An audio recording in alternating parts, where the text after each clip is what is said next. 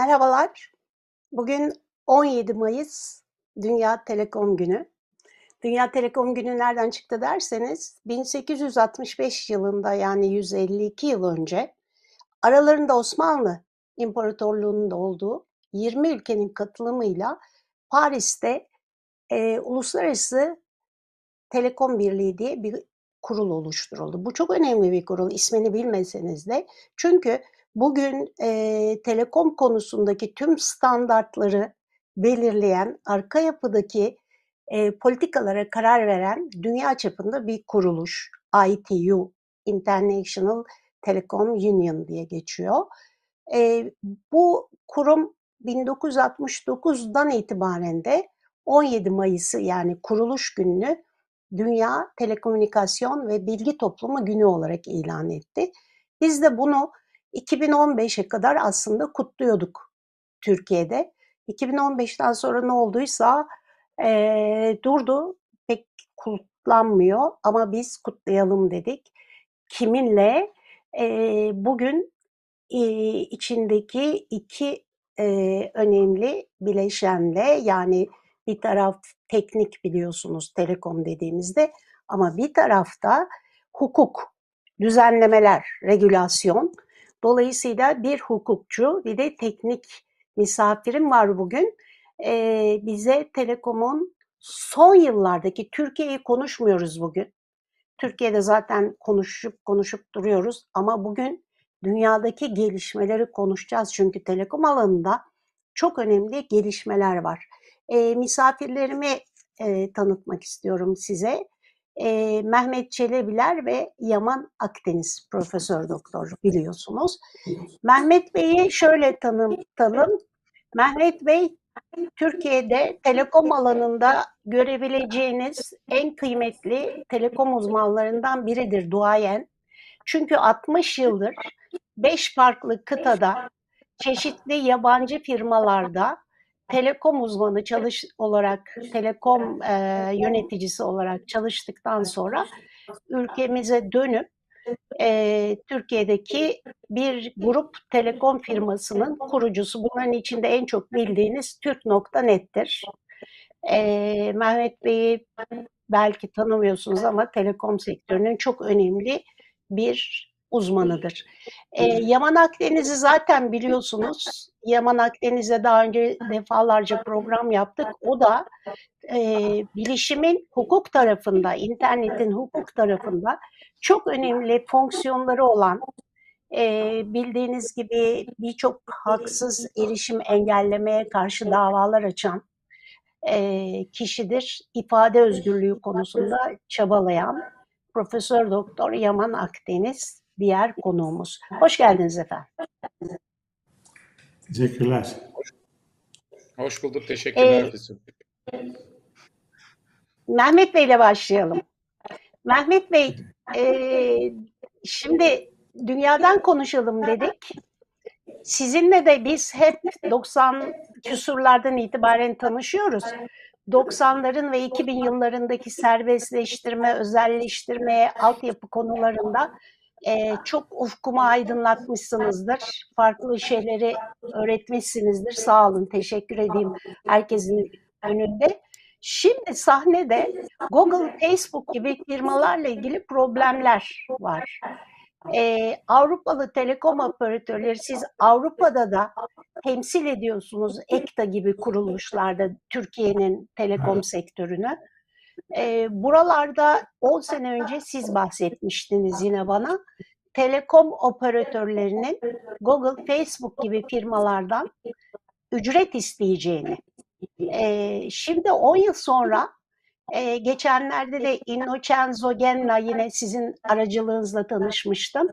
E, Avrupa'daki telekom uzmanlarından birisi.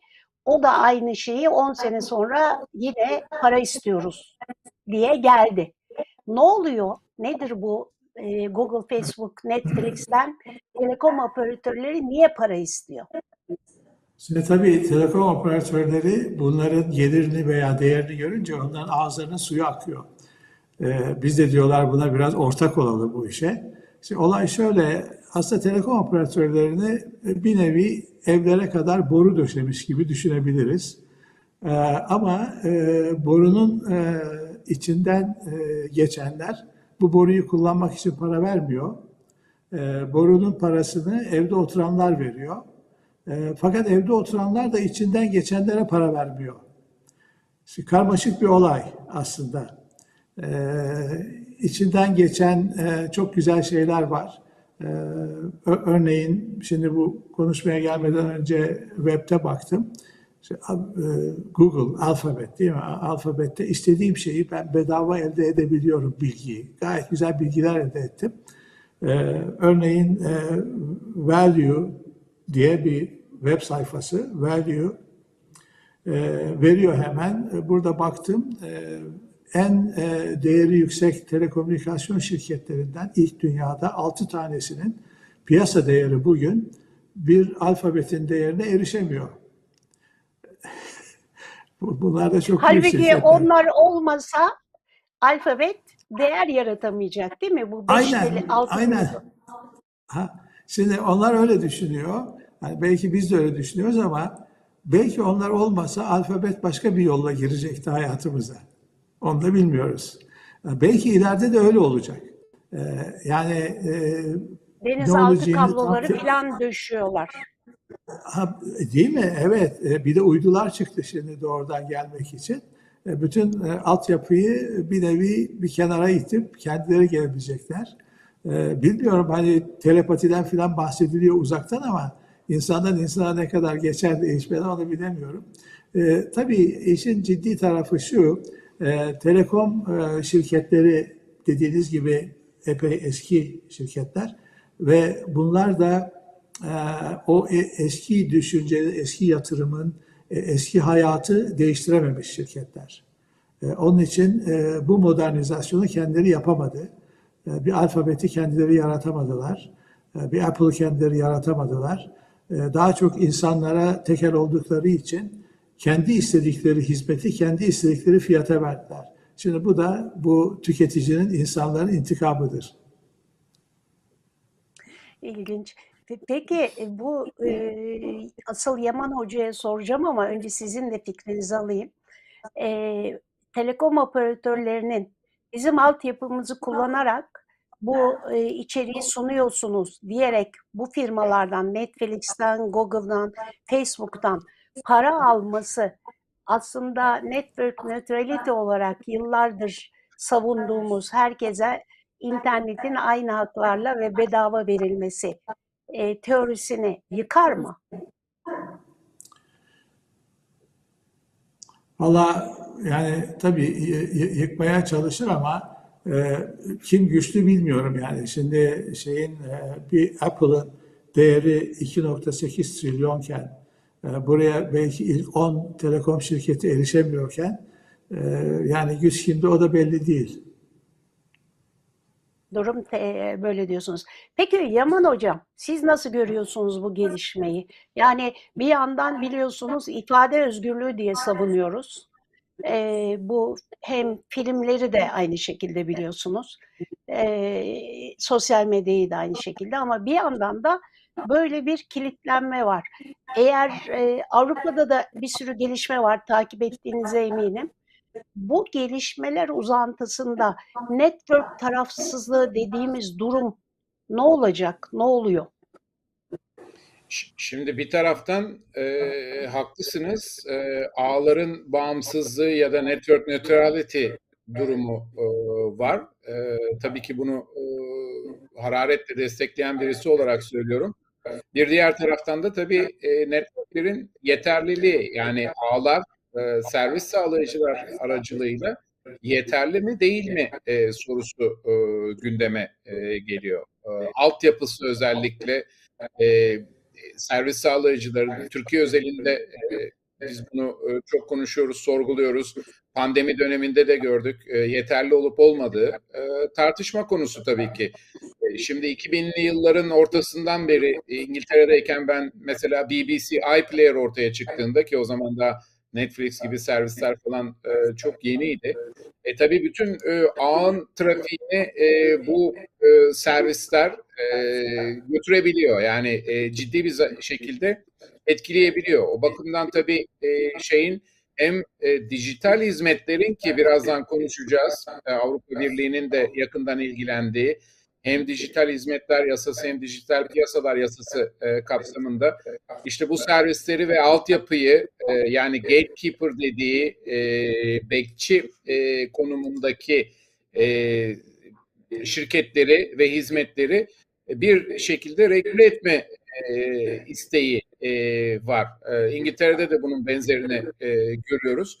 Dolayısıyla tabii e, şey önümüzdeki yıllar e, Twitter'ın da el değiştirmesiyle birlikte çok enteresan bir şekilde e, gelişecek diye düşünüyorum. Şimdi e, Mehmet Bey'e dönüyorum tekrar. E, Yaman Hoca çok enteresan bir şey söyledi değil mi? Altyapının yeterliliği dedi. Yani bu olayda gitgide mesela Netflix'e bakarsak büyüyen Netflix'te değil sadece Disney Plus, diğer bütün alt, e, Türkiye'de de Blue TV, Gain çok başarılı. Türkiye'de de e, bu tür şeyler var, uygulamalar var. Bütün bunlar e, harcanan bandwidth'leri katlıyor. Bunlara karşı yatırım nasıl yapılıyor? Siz telekom altyapılarının operatörler tarafından yatırımlarını ve durumunu nasıl görüyorsunuz? Valla yatırımlar yapılıyor. Çünkü sonunda telekom sektöründe bir, bir miktar rekabet oluşmuş artık. Bir tanesi yatırmazsa başka birisi yatırıyor. Çünkü müşteriyi almak istiyor. Yani sonunda telekom şirketleri de abonelerinden para alıyorlar. Ee, özellikle yeni gelen şirketler, mesela işte İngiltere'de e, değil mi bazı yeni çıkan fiber şirketleri, e, toptan satan City Fiber mesela, e, bunlar yatırım yapıyorlar. E, işte Fransa'da çıkan Iliad Free, e, hem Fransa'da hem İtalya'da yatırım yapıyor. Hatta İtalya'da 40 gigabit getiriyor evlere. E, yani bunu yapıyor çünkü sonunda bu işte para var. Bence yatırım daima yapılacaktır. Ee, ancak bunu serbestiyle yapabiliyorlar. Ee, eski duruma dönersek bazı e, kısıtlayıcı regülasyonlar dolayısıyla eski tekel durumuna dönersek telekomların onlardan bir yenilik çıkmıyor. Zaten bu bütün yenilikleri getiren bilgisayarcılardır. Telekom şirketleri katiyen böyle bir şeye müsaade etmezlerdi bilgisayarcılar olmasa. Ama yani burada biraz e, e, tombaya bastılar bıraktılar bilgisayarcıların girmesini e, ve özellikle tabii internetin girmesi e, onları biraz geride bıraktı. Evet. Peki Yaman Hocam, Avrupa'da iki kanundan bahsediliyor.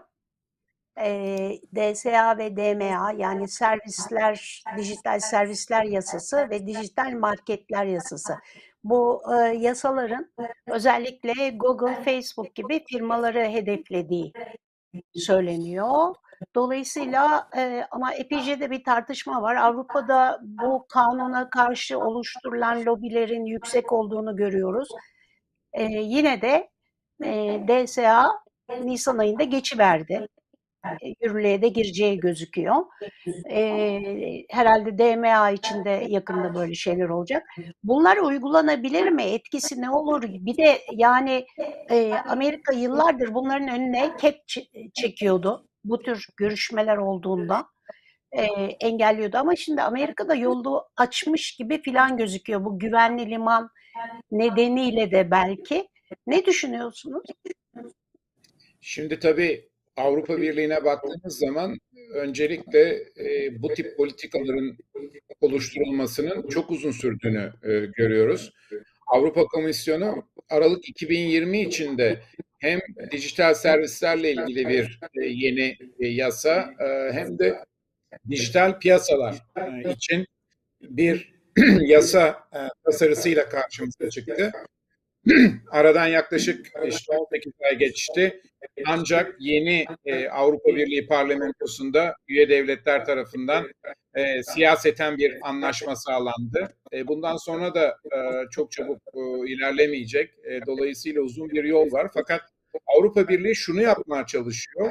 bir dijital piyasalar yasasıyla e, hem e, rekabeti e, sağlamak istiyor hem de e, bekçi dediği e, işte internet servis sağlayıcıları olsun, e, bazı e, tabii e, arama motorları, sosyal ağ hizmetleri, e, sosyal e, medya e, şirketleri açısından bazı e, ortak kurallar geliştirmeye çalışıyor. Diğerinde ise yani dijital servisler yasasıyla da yasa dışı içeriğin örneğin daha hızlı kaldırılması için bazı prosedürler geliştirmeye e, çalışacak. İşte e, kullanıcıların e, bu içerikleri, bu tür içerikleri kolayca e, işaretleyip ve bildirebilmesini e, sağlayacak. Ve daha önemlisi de e, şeffaf olmalarını sağlamak için sosyal medya platformlarının bazı önlemler e, almaya çalışacak. Ve bu platformları Avrupa Birliği'nde eğer servis veriyorlarsa daha şeffaf hale getirmeye e, çalışacak. Tabii bunların e, e, bunları becerebilecek mi Avrupa Birliği? Onu önümüzdeki e, yıllar içinde e, göreceğiz. Fakat özellikle şeffaflığın sosyal medya platformları açısından e, çok önemli olduğunu düşünüyorum.